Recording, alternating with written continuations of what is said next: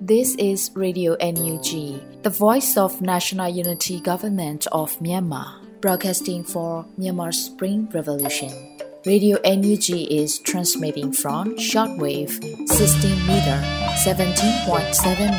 MHz at 8:30 a.m. and 25 meter 11.94 MHz at 8:30 p.m. Myanmar Standard Time. မင်္ဂလာပါရှင်။ မြို့သားညီညွတ်ရေးအစိုးရရဲ့အတန်လွှင့်ဌာန Radio NUG ကိုမနက်ပိုင်း၈နာရီခွဲမှာလိုင်းတူ16မီတာ19.89 MHz ညပိုင်း၈နာရီခွဲမှာလိုင်းတူ25မီတာ17.6 MHz တို့မှာဓာတ်ရိုက်ဖမ်းယူနိုင်စေနိုင်ပါရှင်။မင်္ဂလာအပေါင်းနဲ့ပြည့်စုံကြပါစေ။အခုချိန်ကစပြီး Radio NUG အစီအစဉ်လေးကိုဓာတ်ရိုက်အတန်လွှင့်ပေးနေပါပြီရှင်။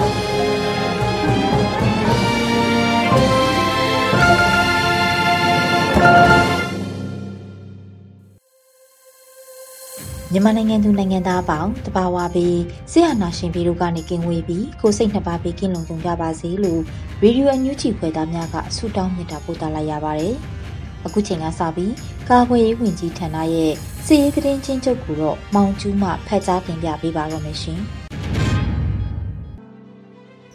မြို့သားညညွေအစိုးရကာကွယ်ရေးဝန်ကြီးဌာနကထုတ်ပြန်တဲ့နေ့စဉ်စီရေးသတင်းချင်းချုပ်ကိုတင်ပြပါရမယ်ခင်ဗျာ။နေ့စဉ်စီရေးသတင်းချင်းချုပ်ရာ စစ်ကောင်စီတပ်သား19ဦးသေဆုံးပြီး2ဦးထိခိုက်ဒဏ်ရာရရှိကြောင်းသိရှိရပါတယ်။စစ်ကောင်စီနဲ့တိုက်ပွဲဖြစ်ပွားမှုသတင်းများကိုပထမဦးစွာတင်ပြပါမယ်ခင်ဗျာ။ဒီနေ့တရားပြည်နယ်မှာ2022ခုနှစ်ဩဂုတ်လ14ရက်နေ့ကဗမောဆိုးမြို့နယ်ခောက်ဘလော့ကျေးရွာနီမှာတပ်ဆွဲထားတဲ့စစ်ကောင်စီတပ်ကို KNDF B05 နဲ့ KA ပူးပေါင်းတပ်တို့တွားရောက်တိုက်ခိုက်ခဲ့ရာစစ်ကောင်စီဘက်ကလက်နက်ကြီးများနဲ့အကြိမ်30ခန့်ပစ်ခတ်ခဲ့ကြောင်းသိရှိရပါတယ်။ဩဂုတ်လ14ရက်နေ့မနက်9:00နာရီခန့်ကလိုင်ကော်မြို့နယ်ပါလောင်းရွာမှာစစ်ကောင်စီတပ်နဲ့ KNDF B02 B14 KA တို့ထိတွေ့တိုက်ပွဲဖြစ်ပွားခဲ့ပါတယ်။ဝန်ကြီးနယ်မှာ2022ခုနှစ်ဩဂုတ်လ15ရက်နေ့မနက်9:00နာရီ10မိနစ်ခန့်ကကြိုက်ထုံမြို့နယ်မြန်းချောင်ရွာနီမှာဘုံလင်ဘက်ကကြိုက်ထုံဘက်ကိုဥတီလာတဲ့မြန်းချောင်နယ်ရင်းရဲ့တက်ကြက်ကြီးစိုးဝင်းရဲ့ကားကိုဒေသခံဒေါ်လာရင်းတပ်ဖွဲ့ကမိုင်းဆွဲတက်ခတ်ခဲ့ရာမိုင်းဆွဲမှုကြောင့်ကားပျက်စီးခဲ့ပြီးရဲချာရှိပါဝင်ရဲသုံးလုံးတည်ဆုံးသွားခဲ့ကြောင်းသိရှိရပါတယ်။မန္တလေးတိုင်းမှာ2022ခုနှစ်ဩဂုတ်လ14ရက်နေ့ကဗရိယာမြို့နယ်ရာတန်းရှိကြေးရွာကပီစော်ဒီကောင်းဆောင်ဖြစ်တဲ့ပိန်ထွန်းကို ပြည်သူ့ကာကွယ်ရေးတပ်ဖွဲ့မရယာပကဖဗိုလ်ကောင်းငင်ဒေါ်လာရင်းအင်အားစုပြည်သူ့ကာကွယ်ရေးတပ်မတော်ဝက်လက်တရင်ဆက်ရှိတို့ပူးပေါင်းပြီးဝင်ရောက်ဖမ်းဆီးကြရာကိုမမကြီးသုံးလက်လုံတနက်တလက်ကိုမမကြီး9000နဲ့ဘုံသီးတစ်လုံးတို့တင်စီရမိခဲ့ပါတယ်။ဩဂုတ်လ14ရက်နေ့မနက်၈နာရီ5မိနစ်ခန့်ကဗရိယာမြို့နယ်တောင်ကန်ကျေးရွာနဲ့မြောင်းရွာချင်းတရားနီမှာစစ်ကောင်စီအင်အား30ခန့်ပါတဲ့စစ်ကြောင်းကိုနတ်ဆိုးမြောက်ဒေါ်လာရင်းတပ်ဖွဲ့ကဗေဒါမိုင်းလေးလုံးနဲ့ဖောက်ခွဲတိုက်ခတ်ခဲ့တဲ့အတွက်ကြောင့်စစ်ကောင်စီဗိုလ်တော်ဦးပါဝင်၄ဦးတိစုံခဲ့ကြောင်းသိရှိရပါတယ်။ ဘိုင်းတိုင်းမှာ2022ခုနှစ်ဩဂုတ်လ15ရက်နေ့မနက်2နာရီခန့်ကမုံရွာမြို့နယ်မုံရွာမြို့အဝင်ဦးဂိတ်ကိုပြည်သူ့ကာကွယ်ရေးတပ်မတော်မုံရွာခရိုင်ချင်းတွင်းအတက်ဖို့တရင်နှစ်3တရင်4ရဲ့အထူးကွန်မန်ဒိုတပ်ဖွဲ့မုံရွာ The Boys တရင်2တရင်3တရင်4ရဲ့အထူးစုံစမ်းစစ်ဆင်ရေးအဖွဲ့မုံရွာ Special ဒိတ်ဒိတ်ကျဲ PDF နဲ့အနောက်မြောက်လွင်ပြင်တော်လိုင်းအင်အားစု Northwest Plains Revolutionary Force NPF အဖွဲ့တို့က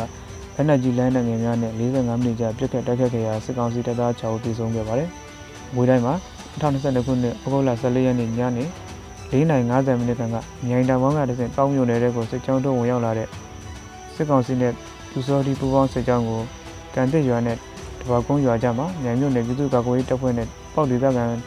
ကာကွယ်ရေးဖွဲ့များကပူးပေါင်းပြီးမိုင်းဆက်တလုံးနဲ့တိုက်ခိုက်ခဲ့ရာစစ်ကောင်စီနဲ့ပြည်စောဒီ၄ဦးသေဆုံးပြီး2ဦးထိခိုက်ဒဏ်ရာရရှိကြောင်းသိရှိရပါတယ်ခင်ဗျာ။ စကောင်စီကကျွလွန်တဲ့ရာဇမှုများကြောင်းကိုဆက်လက်တင်ပြပါမယ်ခင်ဗျာ။ချင်းပြည်နယ်မှာ2022ခုနှစ်ဩဂုတ်လ14ရက်နေ့မနက်3နာရီခန့်ကတီးတိမ်မြို့နယ်ဟိုင်မန်ကျေးရွာကိုစစ်ကောင်စီတပ်ကမိရှုဖျက်ဆီးခဲ့ရာနေရှစ်လုံးကျော်မိလောင်သွားပြီးလူနှုတ်ကိုလည်းဖမ်းဆီးသွားကြောင်းသိရှိရပါတယ်။ရှမ်းပြည်နယ်မှာ2022ခုနှစ်ဩဂုတ်လ14ရက်နေ့ကရွာငံမြို့နယ်တောင်ကျေးရွာနီးကျွန်းဆိုင်ခင်းကိုစစ်ကောင်စီကရဲကား9စီးနဲ့အင်အားအများများရောက်လာပြီးမျိုးသား၃ဦးကိုမျက်နှာမှာအဝိနက်များစီပြီးဖမ်းဆီးခေါ်ဆောင်လာခဲ့ပြီး နေ့လယ်ပိုင်းမှာတနက်တန်6ချက်နဲ့လက်နက်ကြီးများပစ်ခတ်ပြီးထွက်ခွာသွားခဲ့ပါတယ်။ဗသားများကစစ်ကြောင်းပြန်သွားတဲ့အချိန်မှာတွားရောက်ကြည့်ရှုရာမြည်သူမြည်ပါမသိရပဲပြစ်တက်ပြီးမိရှုမြေမြုပ်ထားတဲ့အလောင်းသုံးလောင်းကိုတွေ့ရှိရပါတယ်။စကိုင်းတိုင်းမှာ2022ခုနှစ်အောက်တိုဘာ14ရက်နေ့ညနေ4:00နာရီခန့်ကဗမောက်မြို့နယ်ဗမောက်မြို့ KTV ကမိန်းကလေးရှိဦးကိုအင်းတော်ကြီးနတ်မွန်သားပြည်သူစစ်ဟောင်းဖြစ်တဲ့ရှမ်းနီ SNA ဘိုတိုခတင်မိုးထွန်းကဖမ်းဆီးသွားခဲ့ပါတယ်။ငွေတိုင်းမှာ2022ခုနှစ်အောက်တိုဘာ14ရက်နေ့နေ့လယ်12:30မိနစ်ခန့်က မြန်မြို့နယ်နောက်ဖက်အထွက်ရှိကိုးဆောင်ကျောင်းအနီးမှာတပ်ဆွဲထားတဲ့စစ်ကောင်စီတပ်ကအကြမ်းဖက်လက်နက်ကြီးပစ်ခတ်မှုကြောင့်မြိုင်နောက်ဖက်တမိုင်ခန့်ကွာရှိစားလုံးကျွယ်ရွာကပိုးဖွားလင်များနှုတ်တည်ဆုံးခဲ့ကြောင်းသိရှိရပါတယ်။ရန်ကုန်တိုင်းမှာ2022ခုနှစ်ဩဂုတ်လ14ရက်နေ့ညနေပိုင်းကကောင်းမှုမြို့နယ်ညောင်တောက်ကျေးရွာကလူငယ်၃ကိုစစ်ကောင်စီအဖွဲ့ဝင်များကဖမ်းဆီးခဲ့ပြီး15ရက်နေ့မနက်3နာရီမှာဥမောင်ကျိုင်နဲ့တမတ်ဖြစ်သူကိုထပ်မံဖမ်းဆီးသွားခဲ့ပါတယ်။ဩဂုတ်လ14ရက်နေ့နေ့လယ်ပိုင်းက ကောင်းမှုမြို့နယ်ချောင်ကွက်ချန်ကျေးရွာကရွာသားလူငယ်တအုပ်ကိုစစ်ကောင်စီအဖွဲ့ဝင်များကဖမ်းဆီးခဲ့ပြီးညောင်တောက်ကျေးရွာမှာလည်းစကောင်စီတပ်သားများကဖမ်းဆီးစစ်ဆေးမှုများပြုလုပ်ခဲ့ပါတယ်။ဩဂုတ်လ14ရက်နေ့ည8:30မိနစ်ခန့်ကကောင်းမှုမြို့နယ်တောင်ချောင်ကျေးရွာနေရေစင်းဌာနကစီရီယံပြုလုပ်ထားတဲ့ပိုဆိုးအောင်ကိုစစ်ကောင်စီအဖွဲ့ဝင်များကလာရောက်ဖမ်းဆီးရာ၎င်းကိုမတွေ့ရတဲ့အတွက်ကြောင့်ရောက်ဖတ်တော်ဆက်သူကိုမျိုးဝင်းကိုဖမ်းဆီးသွားခဲ့ပါတယ်။ဩဂုတ်လ14ရက်နေ့ည8:40မိနစ်ခန့်ကလိုင်သာမြို့နယ်16ရပ်ကွက်ဥပုံညာလမ်းကလူငယ်တို့ကိုစစ်ကောင်စီအဖွဲ့ဝင်များကရိုက်နှက်ပြီး အိမ်စည်းကားများနဲ့ဖမ်းဆီးသွားခဲ့ကြောင်းသိရှိရပါတယ်ခင်ဗျာ။အခုတင်ပြခဲ့တဲ့နေ့စဉ်စီးရီးသတင်းချုပ်ကိုရေပြင်သတင်းတာဝန်ခံများနဲ့သတင်းဌာနများကဖော်ပြထားတဲ့အချက်အလက်များပေါ်အခြေခံပြုစုထားတာဖြစ်ပါတယ်။ကျွန်တော်မောင်ကျူပါ။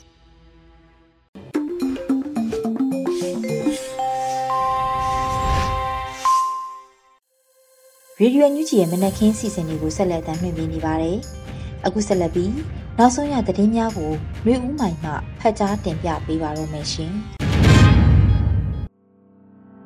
မင်္ဂလာမနက်ခင်းပါရှင်။အခုချိန်ကစပြီး Radio UNG ရဲ့မနက်ခင်းသတင်းများကိုဖတ်ကြားပေးပါရမယ်။ကျွန်မຫນွေဦးမိုင်ပါ။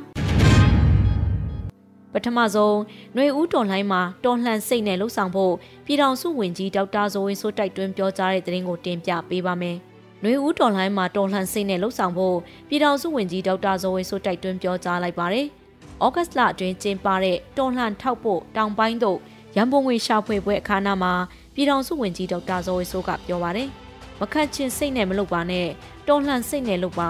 ကျွန်တော်တို့တော်လှန်မှာတော်လှန်စိတ်နဲ့တတိရှိရမယ်။ပေးဆက်မှုတွေစွမ်းဆောင်ရည်တွေရှိရမယ်။ပညာပါဖို့လိုတယ်လို့ဝန်ကြီးကဆိုပါတယ်။လက်ရှိမှာပြည်သူ့ကာကွယ်တပ်ဖွဲ့များဟာစစ်ကောင်စီတပ်များကိုပျောက်ကြားနီးစနစ်နဲ့တိုက်ခိုက်လက်ရှိပြီးစကိုင်းတိုင်းမကွေးတိုင်းနဲ့ကရင်ပြည်နယ်ကရင်နီဒေသတို့မှာစစ်ကောင်စီတပ်များဟာထိနာကြဆုံးလက်ရှိပါတယ်ရှင်။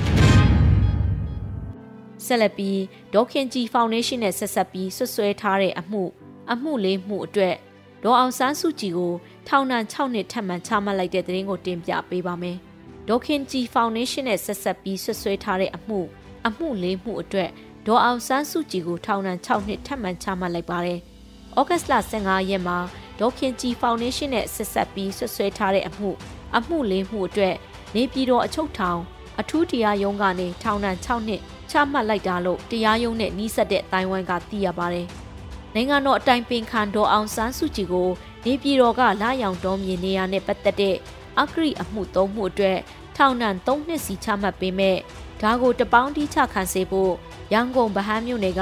အဆောက်အုံမြေနေရာနဲ့ပတ်သက်ပြီးဆွဲဆိုတဲ့အဂရိအမှုတမှုအတွက်၃နှစ်လို့သတ်မှတ်တာကြောင့်စုစုပေါင်းထောင်ဒဏ်6နှစ်သတ်မှတ်ခံရတာဖြစ်ပါတယ်။ဒေါ်အောင်ဆန်းစုကြည်နဲ့အတူ လာရောက်တော်မြေနေရကိစ္စမှာပူးတွဲတရားစွဲဆိုခံရတဲ့ NLD အစိုးရလက်ထက်က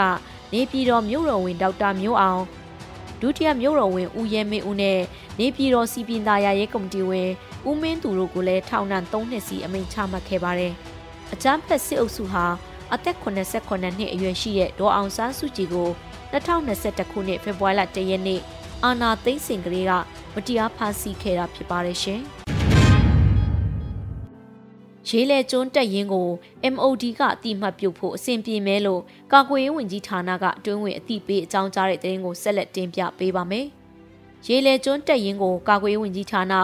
MOD ကအတိမတ်ပြုတ်ဖို့အဆင်ပြေမဲလို့ကာကွယ်ရေးဝန်ကြီးဌာနကအတွင်းဝင်အသိပေးအကြောင်းကြားခဲ့ပါတယ်။ဩဂတ်စ်လ15ရက်မှာရေလေကျွင်းနေတာတပ်ပေါင်းစုတက်ရင်ကထုတ်လုပ်ရေးတာဝန်ခံဆရာမိုးကအတည်ပြုဆိုပါတယ်။ကာကွယ်ရေးအတွင်းဝင်ကလည်း တက်ရင်အဖြစ်အတိမတ်ပြူရေးကြံ့ကြာနေခြင်းအကြောင်းတရားကိုဖုံးဆက်၍အကြောင်းကြားလာပါတယ်။ရေလေကျွန်းတက်ရင်ကို MOD ကတိမတ်ပြူဖို့ okay ပါလိမ့်မယ်လို့အတွင်းဝင်ကသတင်းကောင်းပါလာပါတယ်လို့ဆိုပါတယ်။ဒါအပြင်ရေလေကျွန်းတက်ရင်အနေဖြင့်ရေစကြိုမြို့နယ်ပါကဖပအဖတာဝန်ရှိသူလူငယ်ခေါင်းဆောင်များနဲ့အတူငင်းရင်အကိုသဘောထားကလက်ချင်းချိတ်၍တော်လှန်ရေးအောင်မြင်သည့်အထိထမ်းဆောင်သွားပါလို့ရေလေကျွန်းဒေသတပ်ပေါင်းစုတရင်ကထုတ်ပြန်ပါတယ်ရှင်။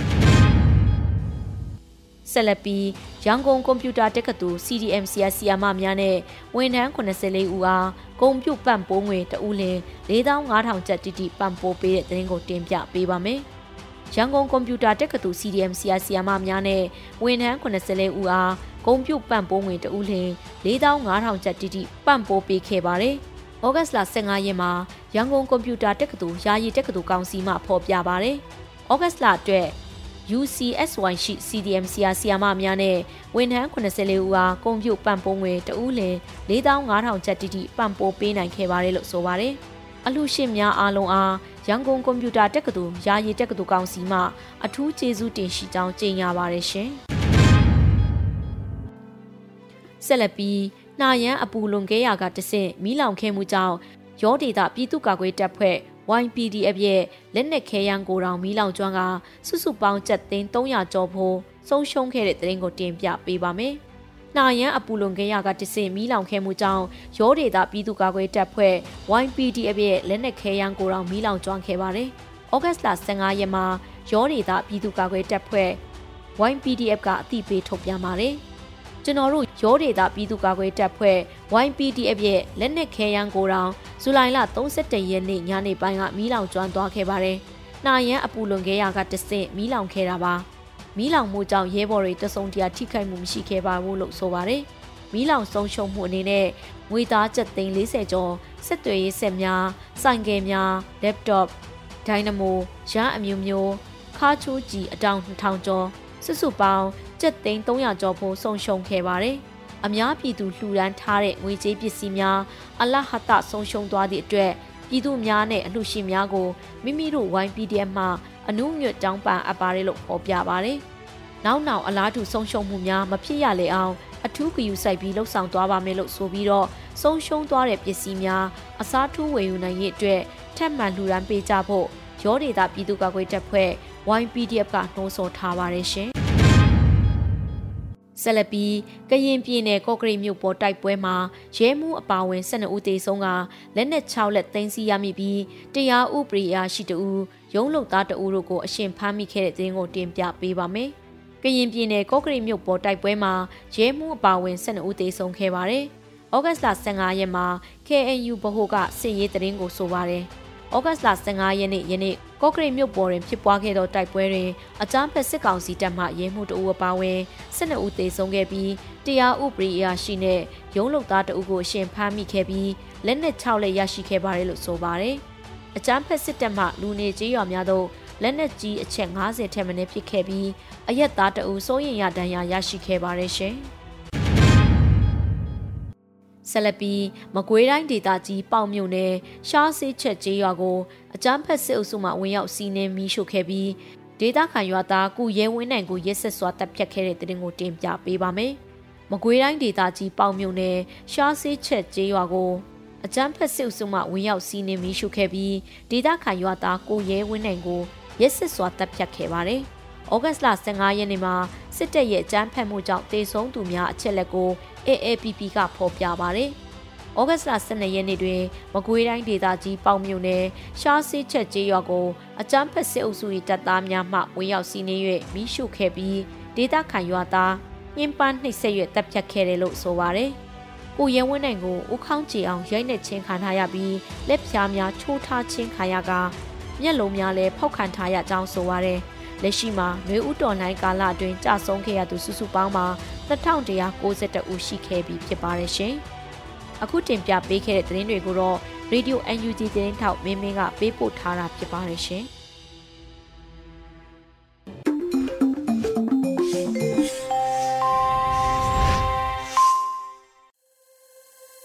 အခုဆက်လက်ပြီး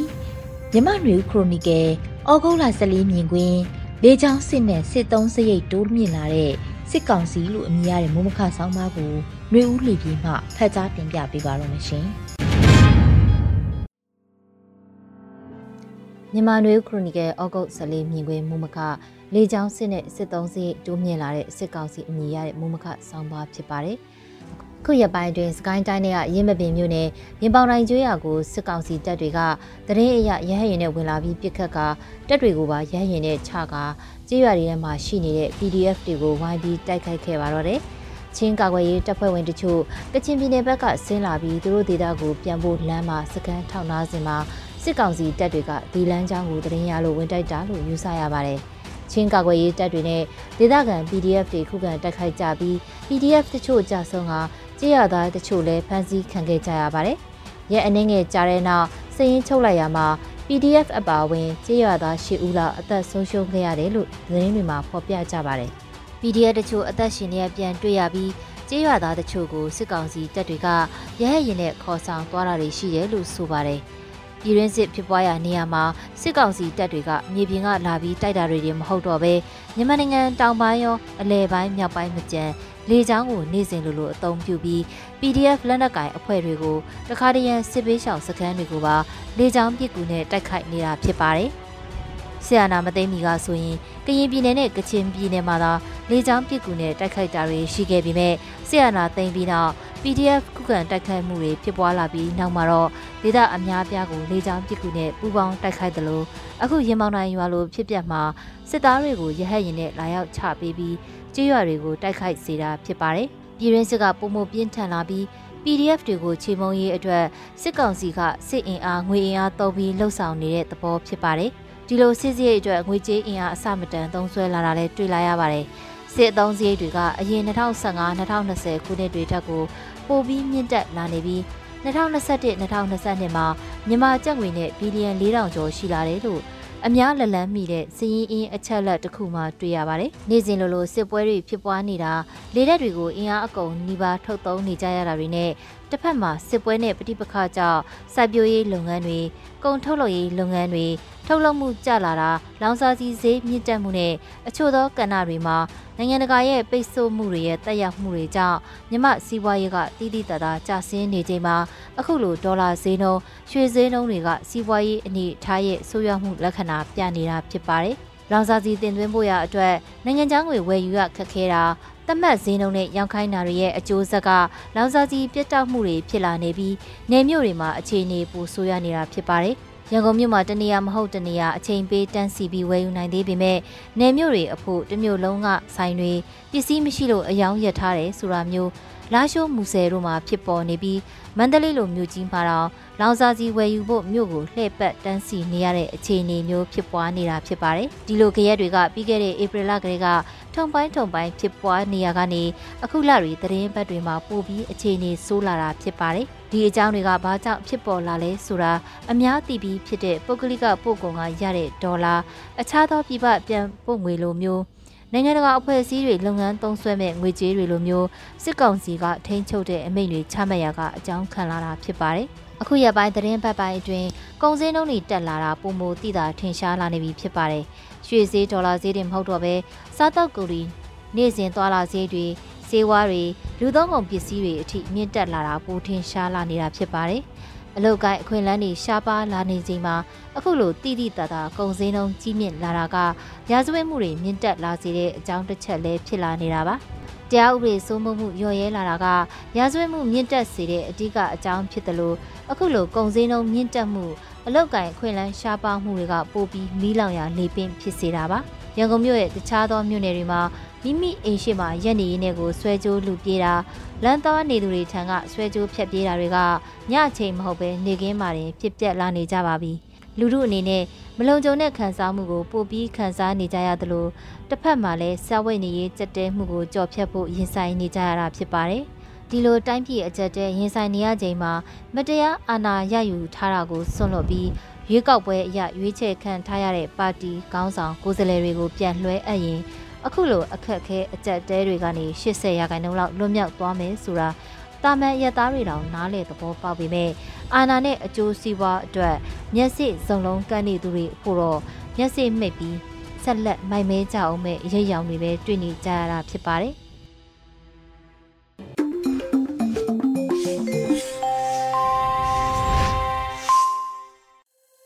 ဗီဒီယိုအန်ယူချီမှာဆက်လက်တင်ပြနေပါတယ်။အခုဆက်လက်ပြီး တော်လှန်ရေးတိဂီတာအနေနဲ့တေးရီကိုရန်နိုင်ထွန်းနဲ့ကိုဝင်းပေါ်မောင်တို့ရေးသားပြီးမက်ကေသွဲအောင်တို့ဖွဲ့တီးဆိုထားတဲ့ One Day Challenge လို့အမည်ရတဲ့တော်လှန်ရေးတိဂီတာကိုနားဆင်ကြရတော့မှာဖြစ်ပါတယ်ရှင်။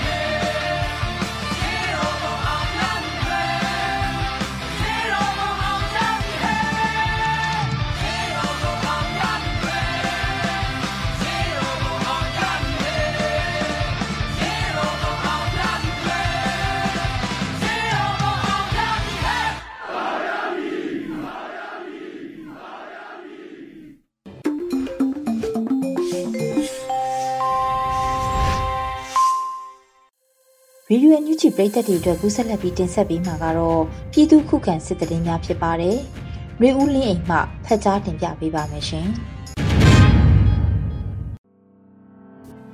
ပထမဆုံးအနေနဲ့မုံရွာမြို့ရှိစစ်ကောင်စီမြို့ဝင်စခန်းကိုဒေသကာကွယ်တပ်များပျောက်ကြားဝင်ရောက်ပစ်ခတ်ရာ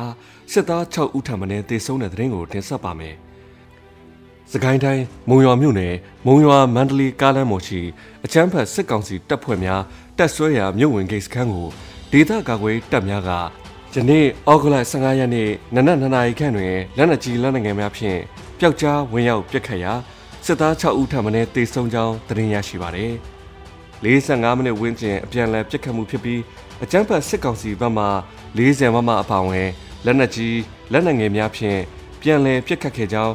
ဒေသကာကွယ်တပ်များအထိခိုက်မရှိစုခွာနိုင်ခဲ့ကြောင်းသိရှိရပါတယ်။ဆလဘီ ကော့ဂရိမြို့ပေါ်ရဲစခန်းကိုဝင်ရောက်ပစ်ခတ်မှုဖြစ်ပွားပြီးအပြန်အလှန်ပစ်ခတ်တဲ့တဲ့ရင်ကိုတင်ဆက်ပါပါ။ကရင်ပြည်နယ်ကော့ဂရိမြို့ပေါ်ရှိကော့ဂရိရဲစခန်းကိုယနေ့နနက်ပိုင်းတွင်ဝင်ရောက်ပစ်ခတ်မှုဖြစ်ပွားပြီးအပြန်အလှန်ပစ်ခတ်မှုများဖြင့်တိုက်ပွဲဖြစ်ပွားကြောင်းဒေသခံများထံမှသိရှိရပါတယ်။အောက်ဂလ15ရက်နေ့နနက်10:00နာရီခွဲအချိန်ဝန်းကျင်ကော့ဂရိမြို့ပေါ်ရဲစခန်းကို ဝင်ရောက်ပစ်ခတ်ခဲ့ခြင်းဖြစ်ပြီးအပြန်အလှန်ပစ်ခတ်မှုဖြစ်ပွားကြောင်းပစ်ခတ်မှုသည်15မိနစ်ဝန်းကျင်ကြာမြင့်ပြီးလက်တလုံးငြိမ်သက်နေကြောင်းစစ်တပ်ကကော့ဂရိမြို့ပေါ်တောင်ပေါ်ကျောင်းနေရာများပါဝင် နေရာအနှံ့အပြားတွင်လမ်းများပိတ်ဆို့၍တင်းတင်းကြပ်ကြပ်စစ်ဆေးမှုများလှုပ်ဆောင်နေကြောင်းဒေသခံတို့ကပြောဆိုပါတယ်။ကရင်ပြည်နယ်ကော့ဂရိတ်မြို့နယ်သည် KNU ဩဇာလွှမ်းမိုးဒေသဖြစ်ပြီးမြို့ပေါ်မှာလွှဲ၍ကြံနေရများအလုံးတွင် KNL ကထိန်းချုပ်ထားသောဒေသလည်းဖြစ်ပါတယ်။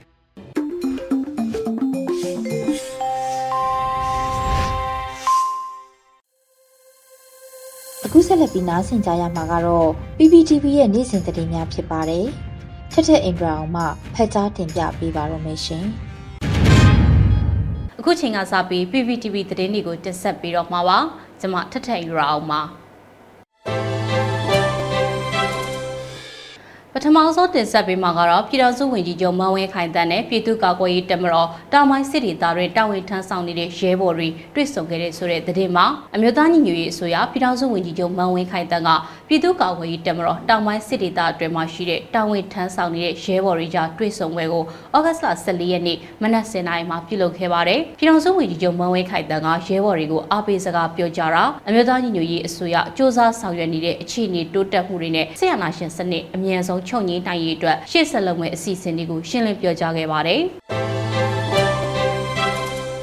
ဆလတ်တင်ဆက်ပေးမှာကတော့ပြည်ပဆိုင်ရာလူငယ်များနေ့အထိမ်းအမှတ်စာစီစာကုန်းဖိတ်ခေါ်ပြိုင်ပွဲကိုအမျိုးသားညီညွတ်ရေးအစိုးရကဖိတ်ခေါ်ပြုလုပ်နေတဲ့ဆိုတဲ့သတင်းမှာ2022ခုနှစ်ဩဂတ်လ12ရက်နေ့မှာကြောက်တဲ့အပြည်ပြည်ဆိုင်ရာလူငယ်များနေ့အထိမ်းအမှတ်ဖြစ်တဲ့စာစီစာကုန်းပြိုင်ပွဲကိုလူငယ်နဲ့တော်လှန်ရေးခွန်အားဆိုတဲ့ခေါင်းစဉ်နဲ့အမျိုးသားညီညွတ်ရေးအစိုးရအမျိုးသမီးလူငယ်နဲ့ကလေးတငယ်ရေးဝန်ကြီးဌာနကဖိတ်ခေါ်ပြုလုပ်နေတာပါစာစီစာကုန်းပြိုင်ပွဲနဲ့ပတ်သက်ပြီးတော့လိုက်နာရမယ့်စီမင်းစည်းကမ်းတွေနဲ့သိရှိထားမယ့်အချက်တွေကတော့စာစီစာကုန်းပြိုင်ပွဲဝင်မဲ့သူဟာမြန်မာနိုင်ငံသားဖြစ်ရမယ်အသက်အရွယ်ကန့်သက်ထားတာမရှိပဲစာစီစာကုန်းကိုမြန်မာဘာသာစကားနဲ့ရေးသားမှာဖြစ်ပါတယ်ဏိဒန်တစ်ပိုက်စာကို၃ပိုက်နဲ့ဏိကုန်းတစ်ပိုက်စုစုပေါင်းစာပိုက်၅ပိုက်ရှိရမှာဖြစ်ပြီးတော့စာစီစာကုန်းတစ်ပုတ်လုံးစက်လုံးရည် 900ထက်မနည်း900ထက်မများဖြစ်ရမယ်လို့စီကတ်သတ်မှတ်ထားပါတယ်။စာကြည့်စာကုန်းပြန်ဝယ်မှာလက်ရေးမှုကိုဓာတ်ပုံရိုက်ပြီးပေးပို့လို့ရတယ်လို့ Microsoft Word file နဲ့ပဲဖြစ်ဖြစ် PDF file နဲ့ပဲဖြစ်ဖြစ်ရေးသားပေးပို့နိုင်ပြီးတော့တခြားသောနည်းလမ်းတွေနဲ့ပေးပို့တာကိုလက်ခံစဉ်းစားပေးမှာမဟုတ်ဘူးလို့ဖော်ပြထားပါတယ်။စုရေးအဖြစ်နဲ့ပထမစုရရှိသူကို NUG bond ဒေါ်လာ300ဒုတိယစုရရှိသူကို NUG bond ဒေါ်လာ200နဲ့တတိယစုရရှိသူကို EOD project မှာအစုရှယ်ယာတစုချီးမြှင့်သွားမှာဖြစ်တယ်လို့ဖော်ပြထားပါတယ်။ပြိုင်ပွဲဝင်စာစီစာကုန်းပေးပို့မဲ့သူတွေအနေနဲ့ဩဂတ်စ်လ18ရက်မြန်မာစံတော်ချိန်6နာရီထက်နောက်မကျပဲပေးပို့ရမှာဖြစ်ပြီးတော့ပေးပို့ရမယ့်နေရာကိုအမျိုးသမီးလူငယ်နဲ့ကလေးတငယ်ရေးဝန်ကြီးဌာနရဲ့ Facebook page မှာဝင်ရောက်ကြည့်ရှုနိုင်ပါတယ်ရှင်အခုတခါတင်ဆက်ပေးမှာကတော့အနုပညာရှင်မြတ်နိုးရေးက Project Dream ဆိုတဲ့တော်လန်ရေးရမငွေရှာတဲ့အစီအစဉ်ကိုပြုလုပ်နေတဲ့ဆိုတဲ့သတင်းမှာ နယူးတော်လိုင်းမှာအနုပညာကဏ္ဍကနေပြီးတော့ပါဝင်လှုပ်ဆောင်နေတဲ့အနုပညာရှင်ညံလိုကြီးကတော့ဒီကနေ့မှကြောက်တဲ့သူမရဲ့မွေးနေ့မှာ Project Dream လို့အမည်ပေးထားတဲ့တော်လိုင်းရေးရှယ်မကွေရှာတဲ့အစီအစဉ်တစ်ခုကိုပြုလုပ်မယ်ဆိုပြီးတော့အသိပေးပြောကြားလိုက်ပါတယ် Project Dream ဆိုတာကအနုပညာရှင်ညံလိုကြီးတက်မှုထားတဲ့လက်စွပ်လေးအပါအဝင်တခြားစုမဲလေးခုဖြစ်တဲ့နဂတ်ဆွဲကြိုရေမွေးနဲ့လက်ကအိတ်တွေကိုမဲလက်မှတ်တွေဖြစ်ရောက်ပြီးတော့စုမဲဖောက်ပေးမှဖြစ်ပါတယ်ဒီစီစဉ်ကိုအနုပညာရှင်ညံလိုကြီးနဲ့တူဝီယာဝမ်အဖွဲ့ကပူးပေါင်းပြီးတော့လှုပ်ဆောင်ပေးတာပါအနောက်ကိုပြန်လဲကြည့်လိုက်တိုင်းကိုယ်တမိုင်းမှာနောင်နာမရစေမဲ့ရက်တီချက်နဲ့ခံယူချက်တွေအတွက်တော့လက်ပြလုံးလို့ကြီးနံရပါတယ်လို့ညနွေးကသူမရဲ့ဝင်းနေမှာစတင်ခဲ့တဲ့ Project Dream Mix အစီအစဉ်ကိုပြောကြားရင်းနဲ့အခုလိုပြောကြားခဲ့တာပါ အနုပညာရှင်မျက်နှာအေးကတော့ຫນွေဥထွန်လိုင်းရဲ့အိမ်မက်တွေနဲ့ဝေးကွာသူတွေအတွက်အိမ်မက်တွေအကောင့်ထဲဖော်ပေးနိုင်ဖို့အတွက် Project Dream မှာပါဝင်ပေးကြဖို့မြစ်တာရက်ခံထားပါတယ် Project Dream အတွက်မဲလက်မှတ်တွေကတော့မြန်မာကျပ်ငွေ15000 American Dollar 30 Thai ဘတ်ငွေ300စင်ကာပူနဲ့ Australia Dollar 15လို့သတ်မှတ်ထားပြီးတော့လက်မှတ်တွေကို August လ15ရက်နေ့ဒီကနေ့ကနေပြီးစက်တင်ဘာလ9ရက်နေ့ထိသတ်မှတ်ထားပါတယ်လက်မှတ်ဝယ်ယူလို့သူတွေအနေနဲ့ဝယ်ယူရမယ့်နေရာကို Blue Map ရရှိထားတဲ့ညနူအီရဲ့ Facebook page မှာဝင်ရောက်ကြည့်ရှုနိုင်ပါတယ်ရှင်ကျေးဇူးတင်ပါတယ်ရှင်